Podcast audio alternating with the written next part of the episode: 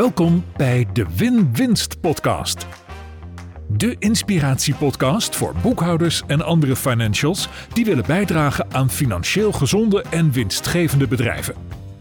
Femke Hogema gaat in gesprek met experts en ze deelt haar eigen kennis en ervaring.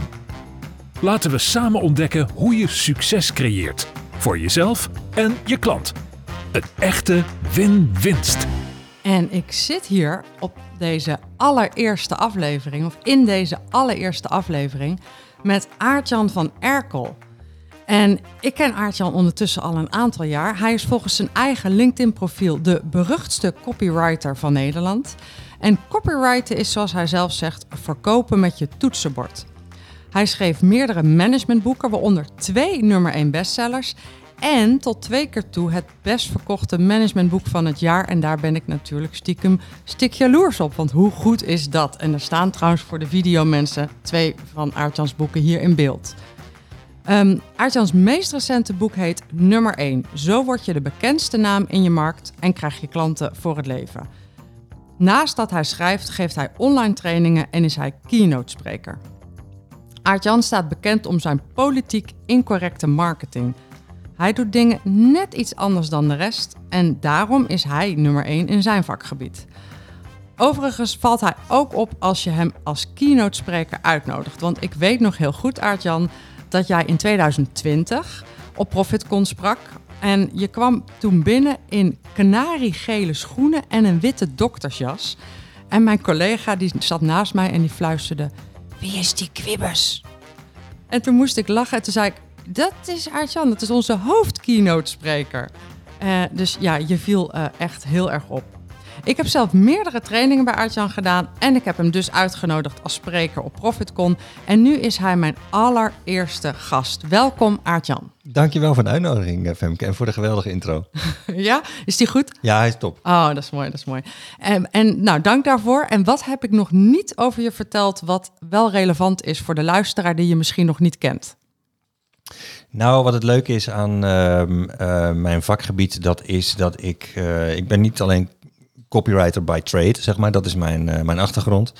Maar ik um, ben dat, nadat ik een aantal jaar in Gun for Hire ben geweest, ben ik dat gaan, uh, gaan teachen aan ondernemers. Want ik merkte dat het een, een van de meest waardevolle skills is die een ondernemer kan, kan aanleren. En dat doe ik in de context van. Uh, ik, doe dat, ik, geef, ik geef die inzichten door aan ondernemers die een expert zijn in hun vakgebied. Vaak ook al uh, heel lang bezig zijn. Echt, uh, ik noem ze de grijze wolven in hun, in hun vakgebied. En die hun kennis willen verkopen op een of andere manier die anders is dan alleen maar direct hun kennis toepassen voor een klant. Ja. Dus via online trainingen, via boeken schrijven, via hun website, via hun marketing, e-mail nieuwsbrieven. Ja, en, dus daar focus ik me op. En wat ik dan ook altijd hoor, is dat, dat je ook echt focust op mensen die echt al iets hebben neergezet. Dus niet de beginnende, uh, beginnende ondernemers. Starters zijn niet mijn, nee, zijn niet jouw meest voorkomende ja, klanten. Ja, ja, cool. En je zegt ook, en je bent begonnen ooit als copywriter zelf. Dus je hebt ook gigantisch veel ervaring opgebouwd in het bedrijfsleven als copywriter. Als teksthoer, ja, als copywriter, ah, ja. dat zei ik niet. En uh, ik was dus ter voorbereiding van deze podcast was ik uh, aan het googelen op jou. Niet dat ik je nog niet kende, maar goed, uh, toch eventjes googelen. En toen zag ik dus op je LinkedIn profiel dat wij tegelijkertijd bij SNS Bank hebben gewerkt in april 2011. Oké, okay, dat is way back. Ja, dat uh, hebben we ons toen niet gerealiseerd al. Nee, wat was dat grappig geweest als wij per ongeluk nog een keer samen geluncht hadden Inderdaad. daar. Ja. De ondernemer en zijn boekhouding. Aartjan, we zijn natuurlijk heel erg benieuwd. Hoe heb jij je boekhouding geregeld? Nou, ik heb hem geregeld, want uh, ik, ik, ben nogal een alfa. Dus met cijfers ben ik, uh, daar ben ik niet zo goed in. Gelukkig heb ik ooit bij jou een, uh, een Profit First workshop gevolgd. Daar ben ik nog steeds heel dankbaar voor. Maar zoals ik de boekhouding heb geregeld, is mijn team houdt mij daarop scherp. Die laat me weten wanneer ik de... Zij sturen alle digitale facturen, wat het grootste deel is naar een accountant. En uh, ik moet dan nog eventjes wat dingen, wat bonnetjes fotograferen met de app van Moneybird. Wij gebruiken Moneybird voor zowel inkomen als uitgaande facturen. Ja. En we hebben een accountant die ook gespecialiseerd is in Moneybird. Zodat we goed, ja. dat ik daar goed overzicht krijg in wat, wat er binnenkomt en uitgaat. Mooi. Je zegt ik heb het geregeld. Dat is al een mooie uitspraak. En wat, wat leuk, ja, want jij was in de, een van de allereerste Profit First workshops een jaar of zes geleden al. Ja. Wat goed dat je daar nog steeds blij mee bent. Ja, ik pas het nog steeds toe en ik ben er heel blij mee. Ja. Heerlijk. Doe eens één ding. Wat geeft het je? Het zorgt ervoor dat ik geen eh, stress heb over eh, budgetteren op grote lijnen. Dus ik weet Ja. gewoon dat er altijd gewoon eh, genoeg geld gereserveerd is voor de belastingen bijvoorbeeld. Ja, En dat ik er altijd een leuk extra potje, de profit pot, eh, naast heb. ja mooi is die. hè? Altijd, het is altijd verrassend veel geld. Ja. Ja. En heb je daar ook wel iets noemenswaardigs mee gedaan? Iets vermeldingswaardigs mee gedaan? Ja, luxe vakanties Ja, Ja. wat heerlijk. en een dik horloge toen ik 50 werd. Oh, Eh, ja. ja, dat is heel leuk. Ja, superleuk. Superleuk om te horen. Is geld belangrijk? Ja, ik vind geld wel belangrijk, ja. Ehm, wat ik leuk vind aan geld is dat het ehm, geeft, het verschaft mij vrijheid. Dus het zorgt ervoor, en het, en het koopt ook tijd. Het zorgt ervoor dat ik geen dingen meer hoef te doen die ik, ehm, waar ik niet goed in ben. En dat zijn heel veel dingen. Ik ben Mhm. eigenlijk maar in een paar dingen wel goed. En al die andere dingen, daar kan ik eh, mensen voor betalen om dat voor me te doen. Ja.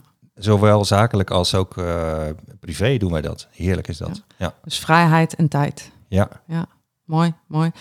En ehm, zijn er overtuigingen die jij ooit had over geld die je nu niet meer hebt? Nou, geld maakt niet gelukkig. Eh, Ja. Klassieker, hè? Ja. Ehm, ik denk dat het niet hebben van geld wel ongelukkig maakt. Ja, En eh, je, je hebt ook dat, dat boek van eh, Rutger Bregman, dat gaat over basisinkomen, Ja. waarin hij ook allerlei cases geeft van als je, als je arme mensen, als die opeens een basisinkomen hebben, dan gaan ze niet aan de drugs of ze gaan ze niet wegzuipen, maar ze gaan juist hun kinderen naar school laten gaan en allerlei verstandige keuzes maken. ja. Terwijl als je echt rock bottom bent, dan ehm, gaat het heel vaak slecht met je.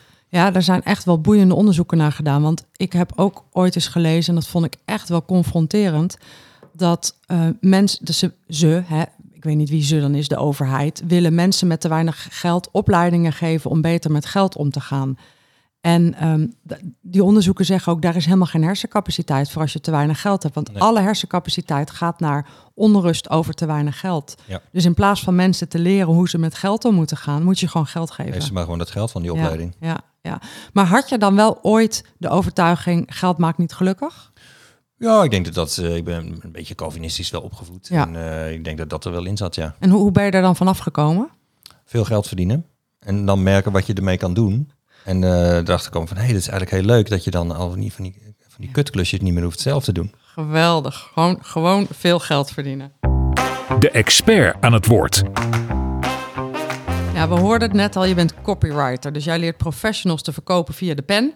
En verkopen gaat natuurlijk over nieuwe klanten binnenhalen. Maar verkopen gaat wat mij betreft ook over het vasthouden van bestaande klanten. Want het maken van een nieuwe klant is altijd veel duurder en tijdrovender dan het behouden van een bestaande klant. En als ik kijk naar nou, financiële mensen, boekhouders, accountants, dan schrijven die best veel voor hun werk. Mails, maar ze schrijven ook wel eens advies. En welke tips heb jij voor de schrijvende financial die bestaande klanten blij wil maken? Ja, je ziet veel ondernemers, en ik denk ook eh, dat dat bij de accountants geldt, dat ze ehm, een beetje een one-night stand mentaliteit hebben. Dus dat ze zeg maar zakelijke one-night stands proberen te scoren. In de zin dat ze steeds nieuwe klanten nodig hebben. En nou, ik weet trouwens niet of dat bij boekhouders heel erg geldt. En, Nee, en die dat hebben ze- op zich wel langere veel vaste klanten. klanten. Alleen ja. ze blijven, ze gaan ook wel eens weg. Ja, en de, mm, de truc om mensen eh, lang bij je te laten blijven, dat is dat je fascinatie opwekt bij je klanten. Hoe je naar buiten treedt in je marketing en daarbij zijn ook eh, nou ja, alle momenten waarop je met je klant contact hebt, is eigenlijk marketing. Ehm, hoe je je daar laat zien, zorgt ervoor dat mensen ehm, een oké relatie met je hebben. Of je kunt ervoor zorgen dat ze jou echt ehm, fascinerend vinden. Dat ze heel erg in je geïnteresseerd zijn. En dat laatste zorgt ervoor dat ze langer bij je blijven. Want ze vinden het gewoon leuk om steeds weer van jou te horen. En vergelijk het maar met de um, binge-waardige series op Netflix. Dus je hebt series die hebben 13 seizoenen. Ja, Ehm, Ja. Er zijn series die hebben 30 seizoenen.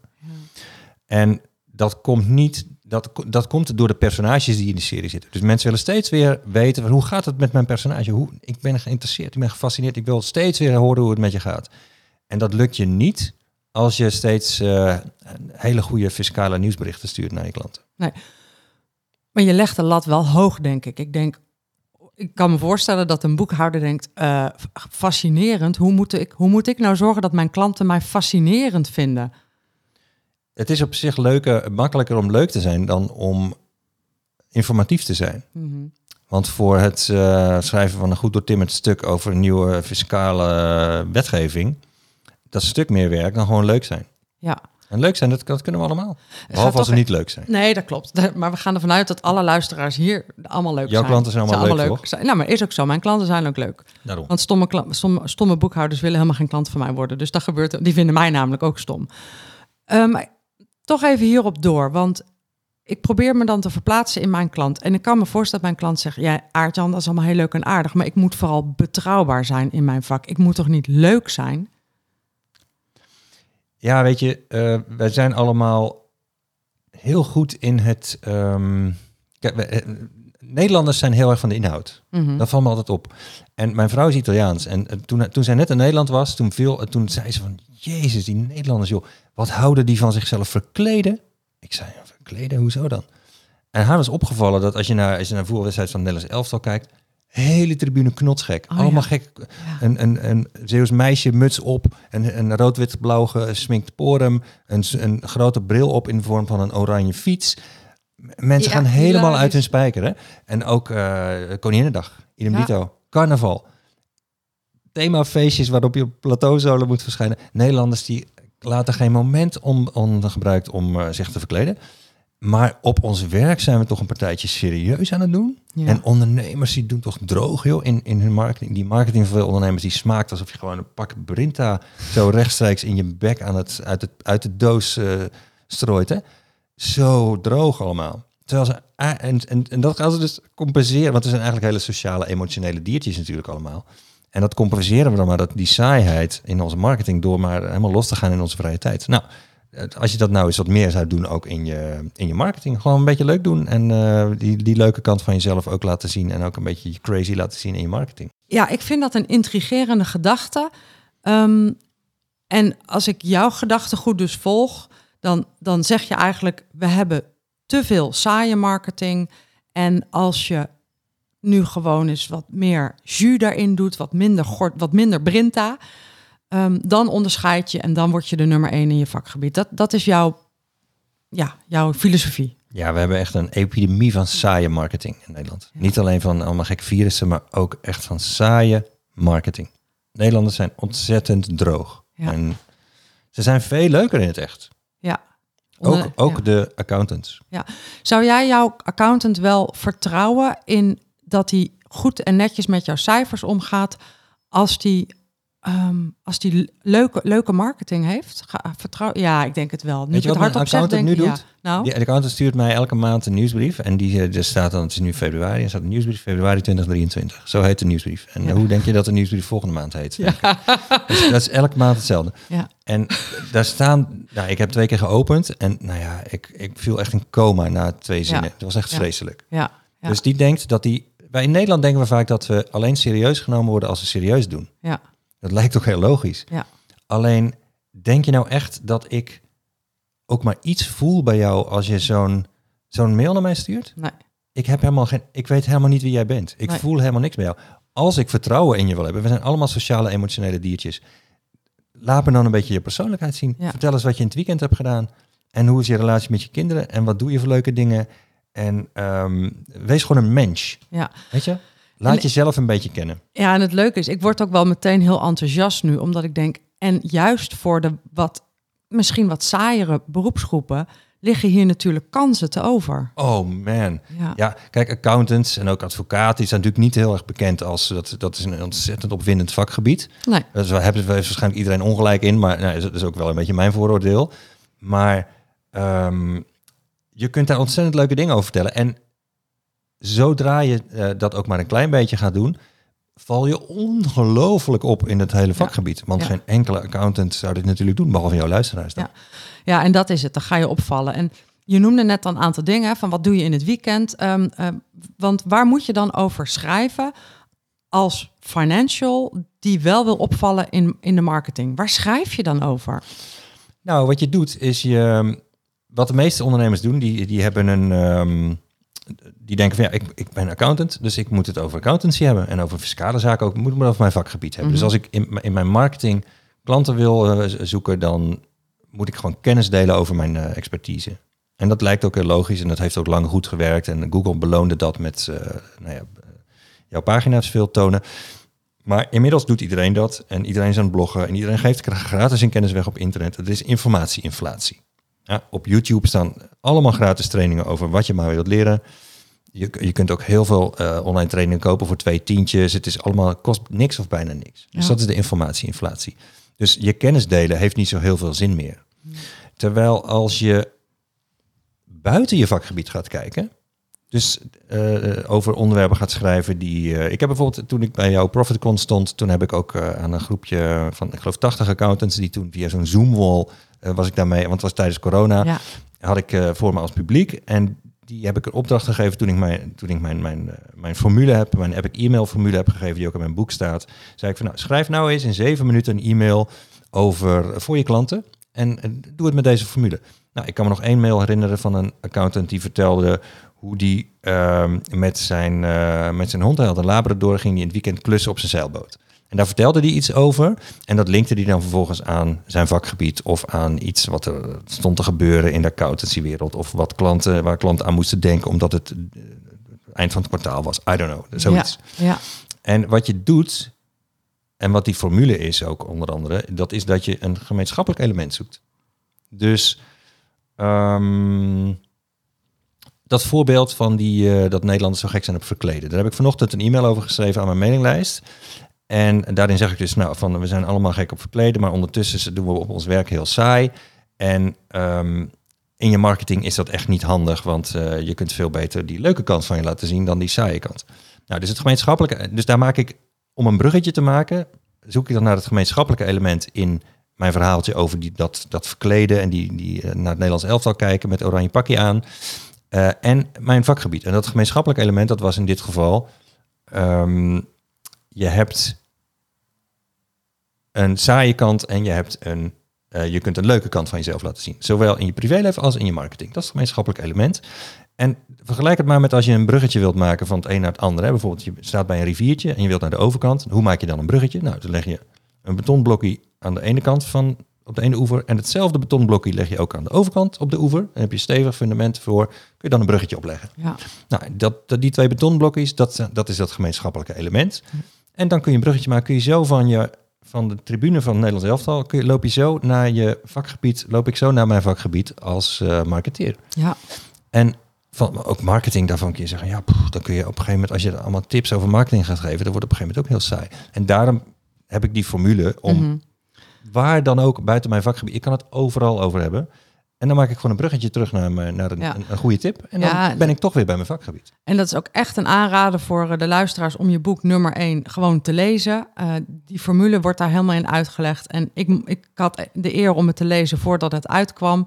En eh, dus ik zie mezelf ook nog af en toe eh, als langskomen als met mijn review hilarisch. Het is een heerlijk boek om te lezen. Thanks. Ja, en, en het is echt een boek eh, wat je echt aan het denken zet over je eigen marketing. En het grappige is, ik, ik herken wel heel erg wat je zegt. Ik heb heel vaak dat ik iets meemaak en dan denk ik, oh, hier kan ik over schrijven. En soms weet ik nog niet wat het bruggetje is, maar ik heb het vertrouwen dat het bruggetje er is. Ik ga dan schrijven en als schrijvende ontstaat dat bruggetje ook vaak. Heb jij dat ook? Ja, en je kunt het ook zonder een bruggetje doen. Ja, Stel je maakt iets mee en je denkt, dat is, dat is leuk. Dit zegt iets over mij, of dit Ja. zegt iets over hoe ik in het leven sta, of dit zegt iets over wat mijn hobby's zijn, of hoe ik, eh, wat ik thuis doe. Kijk, jij bent als, als ondernemer ben je vooral interessant door het menselijke aspect en niet door de inhoud. Dus hoe meer je dat gaat eh, eh, zien, hoe meer je kunt verdienen. en dat is echt wel een mind switch. Ja. Mm, ja. Dus je kunt dat ook gewoon dat leuke verhaal te vertellen en dan afsluiten. Zeggen van, nou, doe je fijn weekend. En dan zeggen we trouwens PS. En dan doe je gewoon keihard een aanbod. Ja, ja. Dus want dat is een van je. bruggetje. Ja, want dat in jouw formule staat onder andere: doe, doe ook een aanbod. En voor heel veel van de luisteraars kan dat aanbod al zijn. Eh, zullen we gewoon even bellen om Ja. te praten over, eh, over een traject wat we kunnen gaan doen? Ja, Ja. ja, ja, ja. En stel je nou voor dat je toch vaktechnisch moet schrijven. Je wil een, een soort advies uitbrengen. Heb je daar dan nog tips over? Kunnen we dat dan toch nog persoonlijk maken of, of niet? Of wat is jouw visie daarop? Ja, we hebben allemaal wel meegemaakt dat iemand een, uh, een, een complex vaktechnisch onderwerp toch uh, snackable maakte of interessant maakte of, of gewoon begrijpelijk. Mm Denk aan Erik Scherder, wat hij over het brein allemaal vertelt. hij, maakt het, hij is een wetenschapper, ja. hij is super toegankelijk en iedereen uh, loopt met hem weg. Fantastisch om naar hem te luisteren. Dus het kan wel degelijk. Uh, dus als je er een als je er infotainment van maakt, ik noem het, dat is een combinatie tussen informatie en entertainment, dan kun je ook een adviesrapport, en dat hoeft niet, dat hoeft niet lachen, brullen te zijn. Het hoeft zelfs helemaal geen humor in te zitten. Maar je kunt dat wel degelijk met voorbeelden, anekdotes en metaforen een stuk uh, onvergetelijker maken. Kijk, als je een advies uitbrengt bijvoorbeeld aan een klant, de enige reden dat je dat doet is dat je wilt dat hij je advies opvolgt. Anders heeft hij er niks aan. Anders is het alleen maar zo'n zo'n zo'n saai rapport met zo'n ringbandje. Dat, en als je dat eenmaal, als je ringbandje eenmaal in de boekenkast zet, dan verdwijnt hij tussen 600 andere ringbandjes. En vinden ze nooit meer terug. Hè? Dus je wilt dat die blijft slingeren en dat ze, dat ze uh, geraakt worden of dat ze uh, aangesproken worden op iets wat ze een emotie bij ze oproept. En um, misschien wel een keer in de lach schieten of misschien jou wat meer in hun hart sluiten. Gewoon door verhaaltjes die jij tussendoor brengt. En daardoor komt het advies snoeihard binnen. Dat, dat onthouden ze veel beter, daar gaan ze wat mee doen. Uh, het, het verdwijnt niet in een kast, maar het wordt uh, een onderdeel van hun leven. En hier zeg je volgens mij iets mega belangrijk. Zo belangrijk dat ik het nog even ga herhalen. Um, je schrijft een advies alleen maar omdat je wil dat een klant het advies opvolgt en dat hij er iets mee gaat doen. En dat betekent dus dat je moet nadenken over hoe kan ik het zo brengen dat het binnenkomt. En dat hij er dus iets mee gaat doen. En dat gaat dus ver voorbij um, het, het, het technische van je advies. Het gaat er dus over dat je je klant moet raken. Dat is volgens mij wat jij nu zegt. Ja. En dat doe je door anekdotes, verhaaltjes, voorbeelden. Als ik auteurs bijvoorbeeld help bij hun, bij hun boek, dat zijn altijd ook experts. En die, die komen dan vaak bij me, die willen dan een heel uitgebreid boek schrijven, echt zo'n magnum opus. En dan zeg ik tegen ze, nou, wat we gaan doen is, Iedere keer als jij een punt wil maken, dus iets waarvan je zegt, dit is belangrijk dat je onthoudt, dat mag alleen maar door het, te illustreren met minstens één voorbeeld, vergelijking of metafoor. Want anders is het net alsof je mensen een droge bruine boterham geeft en zegt van nou, eet maar lekker op. Daar moet beleg op zitten. Want anders dan krijgen ze dat niet binnen. Dan krijgen ze zo'n droge bek van, dat, dat krijgen ze niet weggeslikt. Zo, dat, iedereen weet dat. En toch zijn we meestal als experts, we zijn zo enthousiast met onze, met onze adviezen, met onze expertise, en dat we maar dat we een, een gigantische dosis geven aan, um, aan iedereen. Of we nou een adviesrapport schrijven of een boek. Uh, maar als je iedere keer dat je een punt maakt waarvan je zegt, dit wil ik dat je onthoudt, en je geeft er een voorbeeld bij, een praktisch voorbeeld, dan um, wat ook helemaal buiten het vakgebied mag liggen, of je illustreert het met iets wat je hebt meegemaakt of in een Netflix-serie hebt gezien, ja. dan heb je kans dat ze het ook nog onthouden. En dat ze er een keer wat mee gaan doen. Mega waardevol. Um, nou is er iets nieuws in copywriting land. De, ik weet niet eens hoe het uitspreekt, de chat GPT, chat GPT. Die schrijft dus zelf volledige teksten. Ik was heel erg geïnteresseerd, dus ik dacht dan, ik ga het eens even testen. Maar hij was overbelast, uh, want nou, er zijn meer mensen die het willen testen. Maar ik heb teksten gelezen van die chatbot.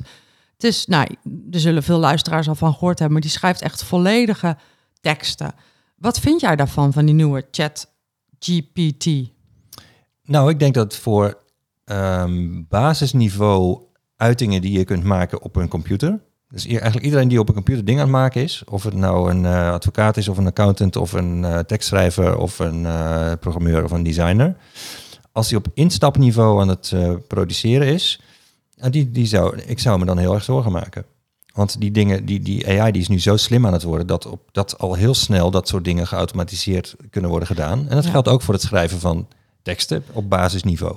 Ja, want wat die, wat die chatbot doet, is die haalt eigenlijk alle informatie over een onderwerp van het internet af. En je geeft een paar parameters in. Bijvoorbeeld, ik wil weten waarom dit een belangrijk thema is. En ik wil vijf redenen waarom iemand dit moet doen. En dan wordt er een volledige tekst geschreven. Ja. En jij zegt, als jij basisteksten schrijft, zou ik me zorgen maken. Want AI, artificial intelligence, gaat dat echt kunnen.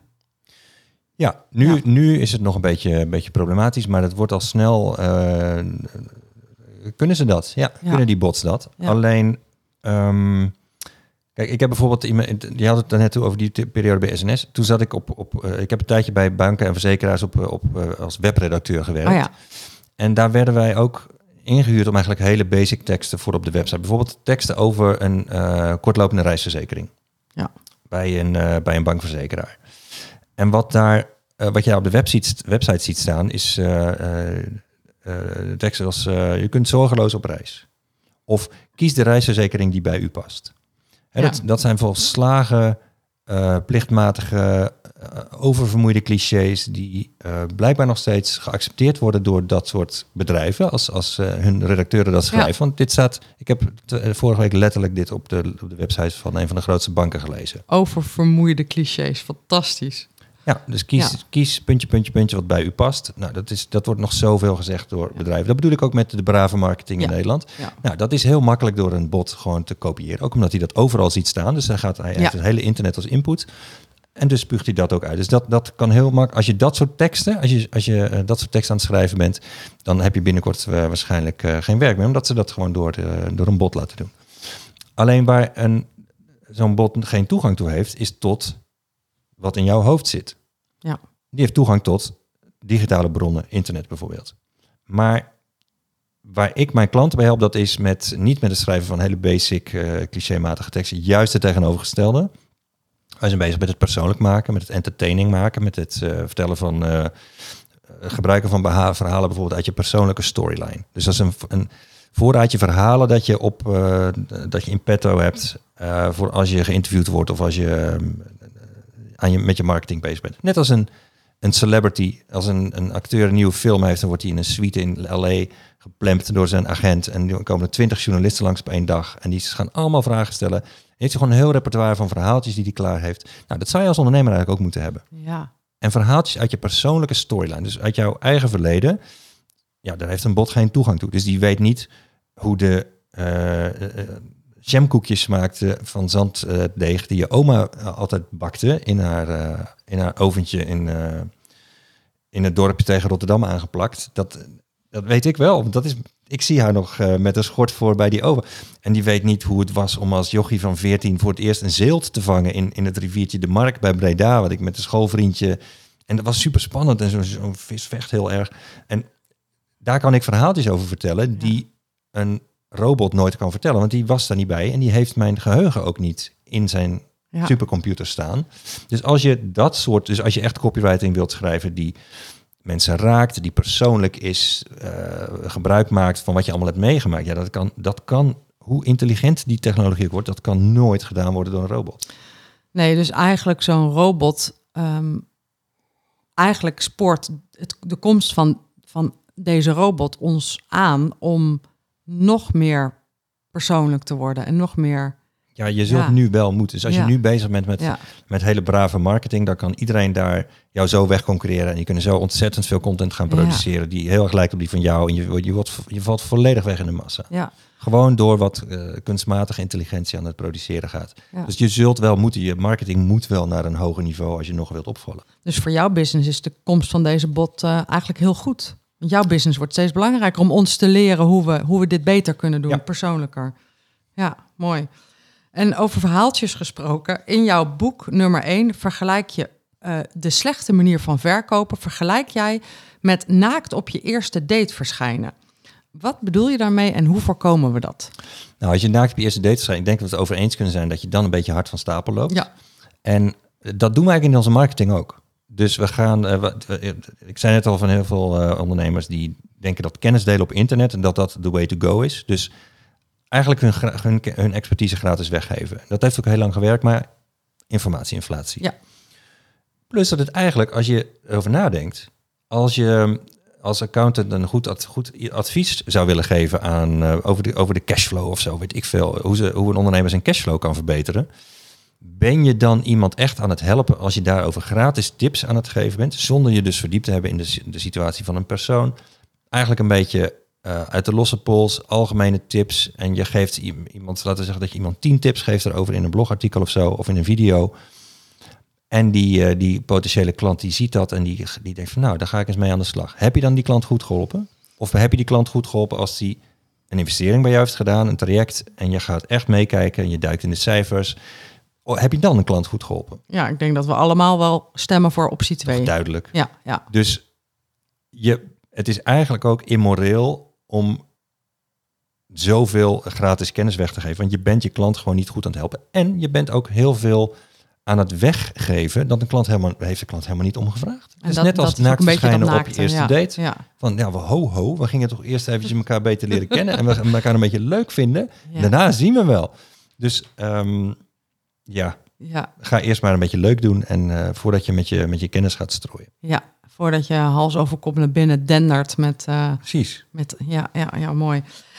Wat ik ook heel interessant vond, is ik, eh, nou, ik zei net al, ik ging een beetje googlen en ik ging naar jouw website en ik zie op jouw salespagina's waar je jouw trainingen aanbiedt, zie ik lange stukken tekst. En ik las dat en ik zag dat en ik merkte dat ik ging lezen.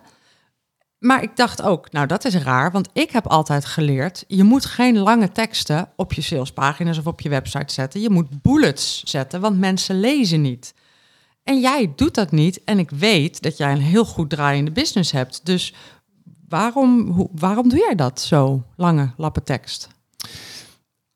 Als je kijkt naar mijn verkooppagina's, dan zie je, dat zijn lange pagina's. Ja, Eh, lange lappen tekst niet echt, het is wel in stukjes gehakt, maar het zijn hele lange pagina's. het zijn geen bullets. Er staan ook veel bullets op, Ook bullets, maar ook alinea's. Ja. zeker. Ja. En er heerst een, ehm, een, een soort van eh, mythe onder ondernemers, die denken vaak van ja, op internet moet je niet te lange teksten schrijven, want mensen lezen niet op internet, want dat, ja, daar hebben ze geen geduld voor. En mensen zijn ook heel ongeduldig op internet. En waar ze vooral ongeduldig van worden, is als je ze verveelt. Dus als je saaie dingen op je website zet of in je nieuwsbrief en idem dito, dat wordt inderdaad niet gelezen. Maar als je ze vanaf de eerste zin bij hun lurven grijpt en ze zichzelf meteen herkennen en ze denken van shit, ja, dit is bij mij ook aan de hand. En je gooit er ook nog entertainment tegenaan, dus je maakt het heel beeldend en je, je geeft veel voorbeelden en je gebruikt voorbeelden van uit je eigen eh, praktijk, uit die van je klanten. Ze zien het echt voor zich. Je maakt ze super nieuwsgierig en je vertelt over allemaal mooie resultaten met jouw aanpak, dan blijven ze lezen. Dus, en dan maakt het ook niet uit hoe lang die pagina is. Als, je het, als ze het leuk bij jou hebben, als ze le- lekker aan het lezen zijn en ze vinden het interessant en relevant wat ze lezen en urgent, dan blijven ze wel doorlezen. En weet je wat is met het salespagina? Die gaat bijvoorbeeld over jouw, eh, jouw, jouw traject als accountant, eh, waar je een ondernemer voor wilt eh, in binnenhengelen. Ehm, als ze, kijk, als, je, als ze op je homepage komen, dan zijn ze nog. Op je homepage zou ik niet te veel lange teksten neerzetten. Want daar willen ze een overzicht krijgen van. Dat is eigenlijk een soort inhoudsopgave van je website. Maar als ze eenmaal op een salespage aankomen, dan weet je, nou, ze zijn echt, ze willen, eh, ze willen wat meer de details zien. En daar kun je dus veel meer tekst neerzetten. Ik, en soms ook echt gewoon, ja, je, soms, je kunt soms een kilometer scrollen op mijn pagina's. Nou, dat is zwaar overdreven, maar je kunt echt wel flink eh, wat lezen. En die pagina's doen het heel goed inderdaad. Ja, en ik vond het echt opmerkelijk, want ik merkte zelf ook dat ik las. En ik merkte ook dat, dat, het, dat ik echt geïnteresseerd was in wat ik las. En je noemt net heel snel een aantal dingen. Je, zegt, ehm, je wil mensen ehm, meteen bij de lurven grijpen. Je wil eh, ook vertellen over de resultaten die je behaalt. Eh, je wil ze ook een stukje entertainen. Ehm, hoe, hoe doe je dat meteen bij de lurven grijpen? Wat, wat is daar eh, een key element van? Waar de meeste verkopers mee beginnen, dat is dat ze over hun eigen aanbod gaan praten, dus hun eigen product of dienst. Ja. En ehm, ze noemen dat ook wel we, we, we teksten. Dus dat zijn van die teksten waar het altijd over, over ons en over wij gaat en over het product wat je verkoopt. En, ehm, en die, die, die, die, die klant komt daar helemaal niet voor. Want we zijn, het is logisch dat je zo schrijft als je niet goed over nadenkt. Want we hebben het alle, allemaal het liefst over onszelf. Ja. En ehm, we praten het liefst over onszelf. En dat doe je dus ook op zo'n pagina als je niet uitkijkt. Maar die klant is hetzelfde. Die, heeft, die hoort ook het liefst dingen over zichzelf. En ja, wij zullen ons toch echt dienstbaar moeten opstellen naar die klant. Dus om, het aan- om het interessant te maken voor die klant... ehm, zul je het over zijn of haar leven moeten hebben. Want anders dan is hij helemaal niet geïnteresseerd. Als jij alleen maar over jezelf aan het wauwelen bent. Als op een feestje als je iemand tegenkomt... en die, die, gaat helemaal, die loopt helemaal leeg over, eh, over, over zijn werk. Ja, vreselijk. En die gaat een uur lang tegen je aan staan ouwe hoeren. Ja. Ja, dat is, eh, je weet niet hoe snel je weg moet komen bij iemand. Ja, nee, dat, ik denk dat we dat allemaal herkennen. Ja, en maar dat, wat jij nu zegt, het klinkt misschien, eh, eh, het, ja, het, het klinkt logisch. En ik kan me ook voorstellen, dat vraagt dus wel wat. Want het betekent dus dat je heel goed moet weten wie die klant dan is. Anders kan die zichzelf niet herkennen in jouw tekst. Ja, Ja. maar dat, je weet heel goed wie je klant is. Ja. Ja, ja als, je een, Ja. eh, als je dit Ja. al heel lang doet, dan, Precies, weet, dan weet je dat, je weet zoveel over je klant. Ja, ja, en dus dan, dat moeten we doen. We moeten meteen hem bij de lurven pakken, zodat hij zich herkent in, in, in de situatie, in het probleem van ja, dit gaat over mij. Begin meteen over het probleem van de klant te praten. Ja, en niet over je product. Ja, ja, ja. Ehm, ik luister altijd naar radioreclames, vind ik heel interessant. Want ik kan er best wel veel van leren van radioreclames, ook hoe het niet moet. En ik hoor steeds een reclame die wat mij betreft in de top drie van slechtste reclame staat. En ik wil hem je even voorleggen. Ehm, hij is van Lenklan, Lenklan. Ik weet niet of je hem kent. Maar er zit dus een tagline in. En dit is de tagline. Luister goed. Betrokken expertise, gedreven resultaat. Wat vind jij van die tagline? Ja, super interessant. ja, dat klinkt, eh, daar zou ik meteen zaken mee gaan doen. Bij iemand met betrokken expertise en gedreven resultaat. Ja, dat klinkt als een eh, slogan die is bedacht door de, ehm, eh, in de boardroom, dus door de directie. Om, die hebben een beetje geprobeerd samen te vatten wat ze doen. Ja. Ik- Het doet me ook denken aan een eh, slogan die ik wel eens zie, of die ik elke, elke twee weken zie. Ik heb een seizoenkaart voor FC Utrecht. En samen met mijn, mijn zoon van 17 gaan we naar alle thuiswedstrijden. En dan heb je van die, van die borden langs het veld, die van, van die reclameborden die digitaal zijn. En die, dan komt er vaak een slogan te lezen en daar staat werkplezier met aardappel. Letterlijk, hè? Werkplezier met aardappel. En iedere keer denk ik van, Huh? wat is werkplezier met aardappel? En ik heb het gegoogeld en ik kan het niet vinden. En ik, ik, ik weet ook helemaal niet wat dat zou kunnen zijn. Misschien dat, dat je friet geeft aan je medewerkers of zo? Dat is wel een dure reclame Of dan. dat je gaat zaklopen met zo'n aardappel op een lepel. Ik weet het niet, werkplezier met aardappel, Femke. Zeg jij eens, wat zou dat kunnen zijn? Geen idee, maar ik snap wel je verwondering. Want mijn eerste gedachte is, dat is dure reclame. Dat als je, je je potentiële klant dus nooit klant kan worden... want die heeft geen idee wat hij gaat kopen. Ja. Ja, Ja, net als in jouw voorbeeld. Hè? Ja. Dat is ook betrokken dus- expertise, gedreven resultaat. Ja, dat kunnen eigenlijk alle bedrijven in Nederland wel. Ja, eh, maar wat- een- gaat hier nou- zeggen over zichzelf. ja, want wat gaat hier nou mis? Wat kunnen we hier nou van leren? Nou, als je iets over jezelf gaat zeggen in je marketing, zeg dan iets wat niemand anders kan zeggen. En als je niet zo uniek bent als dat, zeg dan iets wat niemand anders zegt. Dat is iets makkelijker. Ja, Maar ga in ieder geval niet iets uh, wauwelen dat uh, eigenlijk alle bedrijven in jou... Kijk, alle accountants kunnen dat ook over zichzelf zeggen. Betrokken Ja. expertise, gedreven resultaat. ja, En ook alle advocaten. ja. Dus als jouw slogan zo inwisselbaar is dat als het ander bedrijf dat op zijn, uh, onder zijn logo zou zetten, dat het ook uh, niemand daarvan zou opkijken, dan heb je geen goede slogan. Ja, dus dat, dat is het eigenlijk. Je moet echt op zoek naar iets wat, wat over jou en jouw bedrijf gaat en wat niet inwisselbaar is voor alle andere bedrijven in Nederland. Ja, en anders gewoon geen slogan. Ja, maar dat is toch best nog wel lastig, want um, hoe maak je als financial nou een uitspraak die over jou gaat? Want het gaat toch ook over cijfers. Ja, ik denk ook dat een, een, een uh, accountantskantoor ook geen slogan nodig heeft. Nee. Hooguit al zet op je website van uh, de, het uh, meest ervaren accountantskantoor van Woerden en omstreken. Ja. Weet je, dat is relevante informatie. Ja, dat is um, toch wel weer een beetje persoonlijk, want niet iedereen zit in Woerden en omstreken. Nee, en je bent heel ervaren. Je vertelt ja. gewoon feitelijke ja. informatie over jezelf die um, uh, ja, ook weer vindbaar maakt en zo. Ja. Maar en een slogan heb je verder niet echt nodig. Nee. Maar daar komt weer om, om de hoek kijken. Als je wilt dat mensen jou onthouden, dat, dat je onvergetelijk bent, dat, je, dat ze jouw naam doorvertellen in hun netwerk.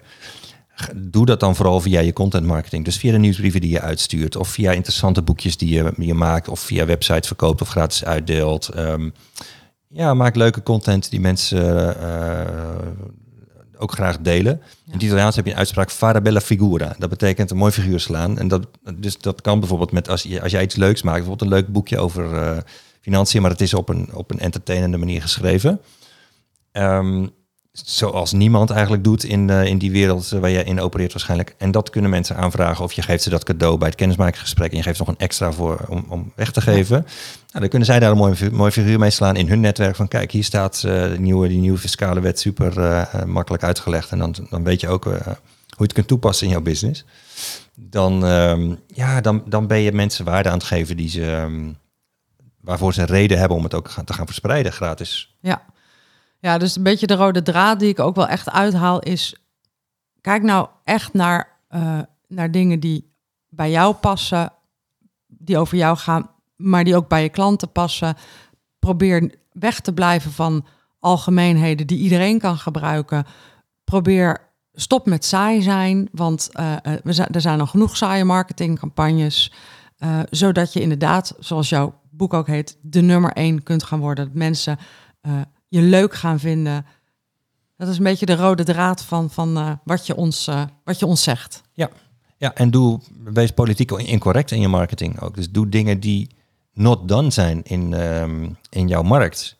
dus ik kijk gewoon om je heen, wat doen alle kantoren die je ken? en in, in hun marketing en ga dan exact het tegenovergestelde doen. Ah, dat is ook nog wel een leuke. Ga dan exact het tegenovergestelde doen. Als je kijkt naar de keuzes die mensen maken, meestal is het zo dat de, the majority is always wrong. Dat ja. een mooie uitspraak. Of je nou kijkt naar de keuzes die mensen maken over voeding of over sport of uh, kinderen opvoeden of pensioenopbouw of wat, wat de meeste mensen aan het doen zijn, dat is echt een heel slecht idee. Ja. En dat is marketing net zo. Ja. Dus kijk gewoon om je heen wat het meest aan het doen zijn en stap uit die cirkel. Ja. En dan ben je, krijg je geen erkenning. Mensen vinden het raar die jouw concurrent zijn. Klanten vinden het fantastisch. En die denken, hè, hè eindelijk iemand die een beetje, beetje fris is. Nou ja, en, en als ik hem dan even heel concreet mag maken. Als je toch echt één stap zou willen zetten als financial, check dan even je eigen website. En als daar nog steeds een rekenmachientje op staat, haal die er dan in ieder geval ja, ja, ik vind websites van accountantskantoren met een rekenmachientje en dan vaak staat er een kopje koffie naast. Ik ben daar wel echt klaar mee. Spaarvarken? Ja, spaar, ja, ja, nou ja, die is ook wel een beetje uit, hè, de spaarvarken. Ja, het is altijd, het, ja. het is heel logisch om um, bekende beelden te gebruiken. Ja. Alleen als je um, je realiseert dat dat een cliché is geworden, dan is het handig om het te gaan um, vervangen door iets, uh, iets fris. Wat, wat, Ja. waar, waar nog niemand, wat nog niemand heeft gedaan. Ja, en, en, en als we dan toch heel even de eerste grote fouten eruit halen. Het rekenmachientje moet van de website af. Überhaupt stokfoto's, wat mij betreft, gewoon skippen.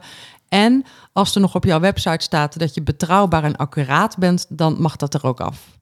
Ja, dat mag je. Dat, eh, dat zijn een beetje de hygiënische voorwaarden wel voor een Precies. eh, accountant. Ja. Ja, dat mogen we hopen. Hè? Ja, dat mag je toch hopen. Dat is net iets als welkom op je website zetten. Ja, dan mag ik toch hopen dat ik welkom ben op je website. Dat hoef je niet te zeggen hoor. De adviezen voor de financial. Wat zijn vanuit jouw expertise de drie dingen die financials kunnen aanpakken om meer winst in de breedste zin te realiseren? En met winst in de breedste zin bedoel ik dan winst in geld, winst in tijd, winst in kwaliteit, winst in plezier. Oké, heb je even? Dat is Ja. een grote Ja, vraag. Ja, we hebben nog wel even. Ja, ik maak het toch wat kleiner als je het goed Ja, dat is vindt. ook ik ga het toch even over mijn vakgebied hebben. ja. Eerst had ik heb natuurlijk, eh, ik ben introvert, dus ik was blij dat je dit van tevoren heeft hebt, eh, gestuurd, zodat ik er even over kon nadenken. De eerste die ik eh ga antwoorden, dat is eh wees dus politiek incorrect, waar we het al over hadden. Dus doe, iets, doe het complete tegenovergestelde van wat de norm is in jouw markt. Dan val je niet alleen op, maar je bent ook waarschijnlijk slimmer bezig dan wat iedereen aan het doen is. Ja. De tweede, het tweede advies wat ik een accountant zou geven, dat is stop met teachen en begin met teasen. Teachen, daarmee bedoel ik allemaal tips geven in je content marketing, nieuwsbrief eh, vol met, eh, met nuttige informatie, ehm, bloggen over allerlei eh, ha- handige eh, ondernemersonderwerpen. Dat is superleuk, maar het is eigenlijk ook best wel saai. Dus als je aan het teachen bent, ben je in feite associaties aan het opwekken ja, met je docenten van vroeger. En ja, ik weet niet hoe het bij jou zit, maar ik heb geloof ik één of twee docenten waar ik echt eh, goed aan terug waarvan ik denk, oh, dat was zo leuk om van die persoon les te hebben. En daar heb ik ook echt veel van onthouden. De meeste anderen waren gewoon eh, verschrikkelijk saai. Ja.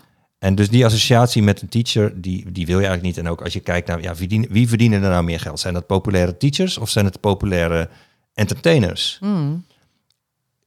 Erik Scherder is een populaire teacher, maar zoveel verdient als je het vergelijkt met eh, Lionel Messi of met, met Beyoncé. Die verdienen ietsie pietsie meer. Dus, en dat weten we ook allemaal wel. En, maar als je dat weet, waarom zou je dat dan niet gebruiken in je marketing? Dus gebruik gewoon meer entertainment in je marketing. Ja. Maak het gewoon leuker. Ja. En eh, dus stop met teachen, begin met teasen. Ja.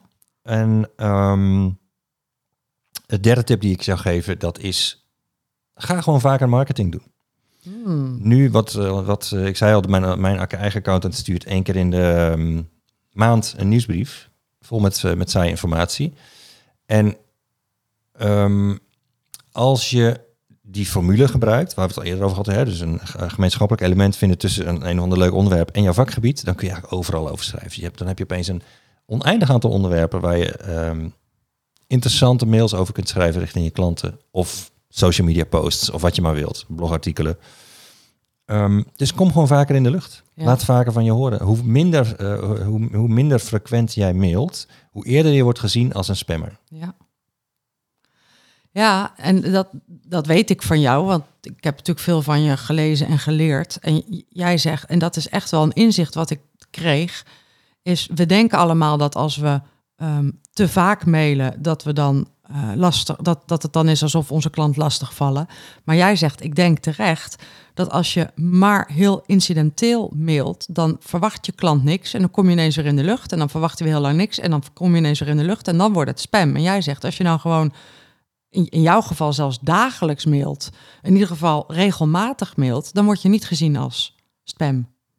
Nee, kijk, als je stel dat je één keer in de drie maanden mailt. En, Ja. Of la- laten we één keer in de maand pakken, net zoals mijn accountant. En, nou, ik, en ik zie eh, van de drie mails die stuurt, eh, zie ik er twee niet- zie ik er over het hoofd in mijn inbox in Gmail zitten. Ik krijg echt elke dag iets van 78 mails of zo. En die, eh, ik, ik, ik open er maar een paar. Dus heb ik een paar gemist en dan krijg ik eigenlijk nog maar één keer in de drie maanden een mail. En ik eh, stel dat ik niet eens meer precies weet eh, hoe dat kantoor heet. En ik krijg opeens een mail van een, een of andere over fiscale wetgeving van een of andere accountantskantoor. En ik denk van. Wie, wat, wat is Ja. dit? Wie is dit? Hier heb ik me nooit voor aangemeld. En spam. Ja. Want ik weet gewoon niet meer. eh, Het kan ook zijn dat je ergens anders iets gekocht hebt eh, in het verleden en dat vergeten bent hoe dat bedrijf heette bij een webwinkel of iets dergelijks.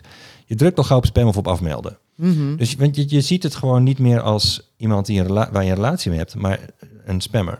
Terwijl als je elke, ik mail inderdaad elke dag vanuit het principe van ja, ga vaker mailen. Want als je onder de marketing bullshit radar vliegt, dus als jouw boodschap niet meer wordt opgevat als marketing, maar ze vinden het gewoon leuk als je mailt, dan kun je ook vaker mailen. Dus als marketeer denk ik dat, nou, dan kan ik dus elke dag gaan mailen.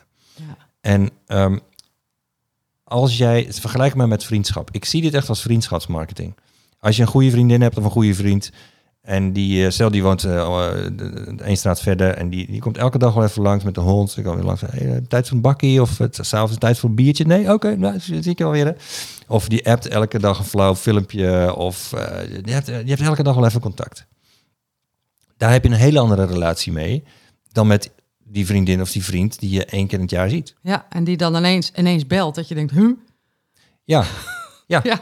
en dat voelt anders. Ja. Dan heb je ook heel lang nodig om weer bij te praten. En je hebt ook van die vrienden die, als ze dan een keer eh, contact opnemen, dan motten ze wat van je. Die heb je ook, hè? Zeggen Van, hey, eh, Ja, ja. tijd ja, niet gesproken. Hey, eh, Ja, kan ik, eh, ik kan misschien even 100 euro van je lenen? maar daar zeg je eens wat. Als je dus alleen maar mailt op het moment dat je keihard klanten nodig hebt, dan moet je dus ineens wat van je klanten. moet je wat van ze. Ja. En dat is natuurlijk ook weer niet, eh, niet handig. En dat doen veel ondernemers, die stellen het uit. Die denken, ik wil je niet lastigvallen. En, maar als ze dan een keer gaan mailen, ja, dan moet er wel wat verkocht worden. Ja, Dus dan is het ook meteen, eh, dan motten ze wat van je. dan moeten ze wat. Ja, Dus je kunt het eh, beter vriendschappelijk houden. Gewoon leuk zijn. ja. En wel elke keer een aanbod hebben. Want En- leuke vrienden die hebben ook altijd wel een leuk voorstel. Van, hey, concertje vanavond of filmpje of biertje. Of eh, ja, Mooi. we gaan wat leuks doen samen. Mooi, dus politiek incorrect. Stoppen, met teach, stoppen met teachen en ga teasen. En vaker marketing. Ja. Stel, ik geef je een toverstok. En je zwaait één keer en daarna is de branche, de boekhoudbranche, zoals die volgens jou moet zijn. Wat is de belangrijkste verandering? Ja, ik kom toch weer terug op entertainen. Ja. Ehm, ik denk dat boekhouders veel leuker zijn dan je zou zeggen als je naar hun nieuwsbrief en naar hun websites kijkt. Eh, ik heb dat ook gemerkt toen ik met- bij jouw Ja. ProfitCon was. Toen liep, liet ik mensen iets schrijven en ze kwamen dus met een verhaaltje over hun labrador en hun zeilboot. En soms met een schuurmachientje. En ze, ze zaten daarna bij de, naar de zonsopgang boven de Kagerplassen te kijken met, een- met een wit wijntje samen met hun lief, weet je wel. En ik van, jezus, Je bent veel leuker. dat is mijn boekhouder. Je bent eigenlijk een hele normale gast. Nou, Ja. Ehm, een saai imago, dat stoot al heel snel af. Ja. Dat, wordt, dat zorgt niet voor dat je serieus genomen wordt. Nee, dat zorgt ervoor dat je saai gevonden wordt. En je bent niet saai. Ja. Dus mijn, mijn, Ja. mijn ideaalbeeld voor de boekhoudbranche is dat, dat ondernemers veel meer uit hun schulp zouden komen. En gewoon eh, laten zien wie ze zijn. Dat ze niet alleen maar in het weekend, eh, dat ze niet helemaal uit hun plaat gaan bij het ehm Nederlands Ja. elftal. Maar dat ze ook in hun, in hun marketing eens wat leuker zijn. Het raakt me ineens wel. In die zin dat ik me ineens realiseer. Het gaat er ook helemaal niet om dat we nou ineens over de top in carnavalskleding door de straat lopen. Maar wat jij eigenlijk zegt is, je bent veel leuker dan je laat zien. Laat nou gewoon zien wie je bent. Dan wordt het al vanzelf een stuk minder saai. Dat carnavalsvoorbeelden gebruik ik alleen maar omdat je, omdat je het dan onthoudt. Ja, maar eigenlijk zeg jij, laat gewoon zien wie je bent. Want je bent veel leuker dan dat je nu laat zien. Ja, en vertel dingen ook buiten je vakgebied om. Ja, precies. jou leuk vindt buiten je vakgebied Ja. om. Want je kunt met die, met die formule Ja. van dat bruggetje, dat je eh, gemeenschappelijke alles, ja. element, kun je eigenlijk overal over praten. De winstvraag. Ehm, als je jou een tijdje volgt, dan, eh, dan zeg je en dan schrijf je ook her en der dat je het liefst in je eentje aan het werk bent. En je zei het net ook al, je zei ik ben gewoon ook wel een introvert. En ik heb dus ook ooit eens gelezen dat je team je maar één keer per week mag storen. En dat klinkt alsof jij heel goed onder je eigen voorwaarden werkt. Dat jij zegt, ik weet wat ik wil en hoe ik wil werken en dat zijn mijn voorwaarden en zo doe ik het. En heel veel boekhouders die vinden dat ze altijd bereikbaar moeten zijn voor hun klanten, voor hun team. De deur moet altijd open, de telefoon moet altijd opgenomen. En wat zou je hun mee willen geven? Ik zie on, eh, de, de accountant als een expert.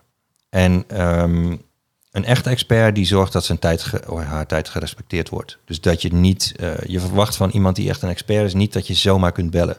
Je verwacht dat er een gatekeeper is. Of dat je, eh, nou dat je langs iemand eh, bij de secretaresse of bij de junior terechtkomt.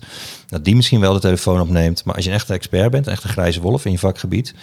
Ja, dan heb je blokken in je agenda waarop je ehm, gesprekken doet met klanten. En je hebt blokken focustijd. Eh, je hebt blokken waarin je communiceert met, met je team of met je secretaresse of met je juniors. En je hebt blokken waarin je rapporten schrijft en waarin je focustijd hebt. Als je dat niet doet, ja, we, leven al in de tijd van de weapons of mass distraction met, met social media en zo. Als je dat op je, op je werk ook nog krijgt, doordat al, je, te- je vindt dat je telefoon altijd eh, zou moeten opnemen. Ja, wanneer ga je dan nog concentreren? Ja, precies. En wanneer kun je dan nog goed werk leveren? Precies. Jouw, jouw deep work, dat ga je pas doen als je echt kunt focussen. Ja, ik vind een heel waardevolle afsluiter. En delegeer je agenda. Ja, Dus laat iemand anders jouw, ehm, jouw afspraken doen. ja, ja, ja. Dat, eh, en, waarom? Want ik zeg wel ja, want ik, ik Sonja doet ook mijn afspraken, maar waarom? Want dan kun je de criteria doorgeven. Oké, dat zijn mijn focusblokken, dit zijn mijn afsprakenblokken. En dan laat je het inplannen van, dat is vaak een op en neer pingpong. Van kun je dan, kun je dan. Ja, Ja. Dat kan, je secretaresse kan dat ook doen. Ja, plus die kan jou veel beter beschermen dan dat jij dat kunt. Ja. Want ik heb heel lief, ik heb wel eens in mijn agenda staan geen afspraken even bijkomen van. En dan is er de dag ervoor een event geweest of zo. En dan kijk ik in mijn agenda en denk ik, kijk nou, ik heb gewoon vrij. En dat zou ik zelf veel minder snel regelen dan dat Sonja dat voor me doet. Ja. Super. Ben ik nog wat vergeten te vragen, Artjan? Nou, ik, vind het, ik vond dat we een heel leuk gesprek hadden. Ja, ik ook. Ik, heb vond mijn het ding eigenlijk, leuk. kon mijn ding eigenlijk wel kwijt. Nou, eh, mooi. Dat is goed nieuws. Dat is Ja, had goed je nieuws. heel, ik vond echt complimenten. Je hebt je echt heel goed voorbereid. Je hebt heel goed geluisterd. Goed samengevat. Ik vind echt dat je een perfecte podcast bent. Dank je wel. Zeg ik niet om te slijmen of dat ik je lief vind. Echt, echt eh, voor een eerste podcast. Wauw. Ja, maar dat vind ik toch stiekem wel heel leuk, want het is natuurlijk ook de eerste podcast. Het is natuurlijk ook spannend. Dus dit is wel even een soort van opstekertje, wat gewoon heel fijn is voor alle podcasts die nog gaan komen. Dus dank. Ja, gewaardeerd. Ehm, waar kan de luisteraar meer over jou en je aanbod of trainingen vinden? Ja, je vertelde dat ik een dagelijks ehm, eh, marketing-e-mail heb. Politiek incorrecte marketing-e-mail. En eh, als je dat uit wilt checken, dan kun je daarvoor aanmelden via mijn website www.schrijvenvoorinternet.nl. Schrijven voor internet.nl. Ja, Ja, mijn laatste boek heet eh, nummer 1. Dat kun je daar ook bestellen. Kun je ook bij Management Boek bestellen. En eh, ja, wees wel voorbereid op, eh, wees gewaarschuwd. Ik mail je elke dag. dat zeg je heel mooi. Dat zeg je heel mooi. Je luisterde naar de Win-Winst podcast voor de ondernemende boekhouder. Vond je dit waardevol, dan waardeer ik je like. En heel graag tot volgende week op woensdag Win-Winstdag. En abonneer je op deze podcast, dan krijg je vanzelf een seintje als er een nieuwe aflevering online staat.